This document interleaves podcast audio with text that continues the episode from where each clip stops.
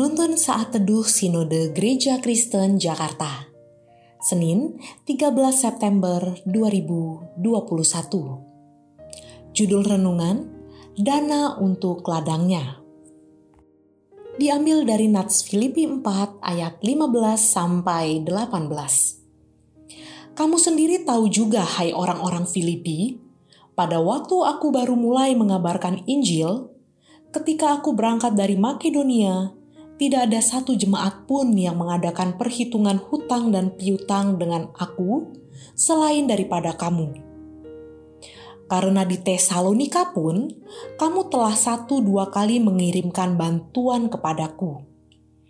Tetapi yang kuutamakan bukanlah pemberian itu, melainkan buahnya yang makin memperbesar keuntunganmu.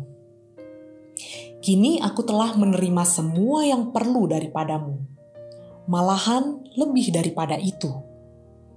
Aku berkelimpahan karena aku telah menerima kirimanmu dari Epafroditus, suatu persembahan yang harum, suatu korban yang disukai dan yang berkenan kepada Allah. Waktu ke Tiongkok, kami menetap di kota Guangzhou, selatan Tiongkok.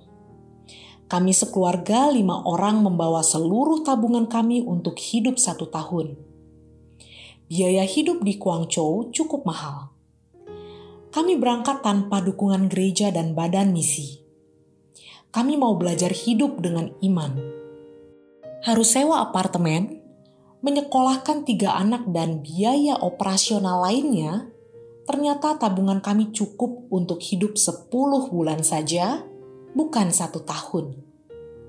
Saya sempat bergumul dengan kondisi ini. Namun, ketika kami mempercayakan diri kami kepada Tuhan, Ia memelihara dan mencukupkan kebutuhan kami dengan caranya sendiri. Kami mengalami Tuhan selama melayani di Tiongkok. Tadinya biaya hanya bisa hidup satu tahun, ternyata kami bisa hidup dan melayani sampai empat tahun. Paulus dalam pelayanan pengabaran Injil ke berbagai tempat juga bergumul dengan kebutuhan dana. Untuk memenuhi kebutuhan hidupnya dan teman-temannya, ia bahkan harus bekerja sebagai tukang tenda. Awal kekristenan belum ada badan misi ataupun gereja pengutus yang kuat dananya dengan berjalannya waktu, mulai ada gereja yang mendukung pelayanan Paulus. Sebagai contoh, gereja di Filipi mendukung pelayanan Paulus walaupun tidak rutin. Namun bantuan itu sangat berarti bagi Paulus.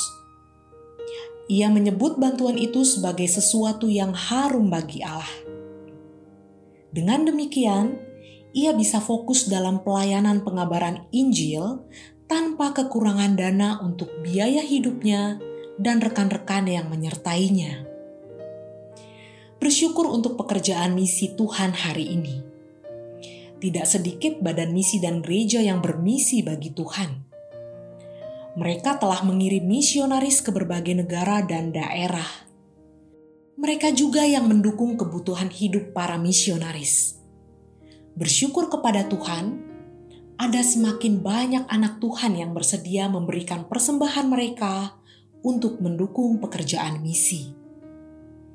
Sebagai orang yang telah ditebus oleh Kristus, mari kita juga giat memberikan persembahan misi, baik pelayanan misi dalam negeri maupun luar negeri.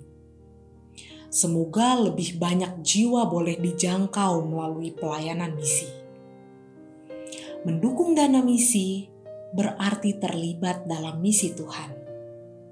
Kiranya Tuhan menyertai kita.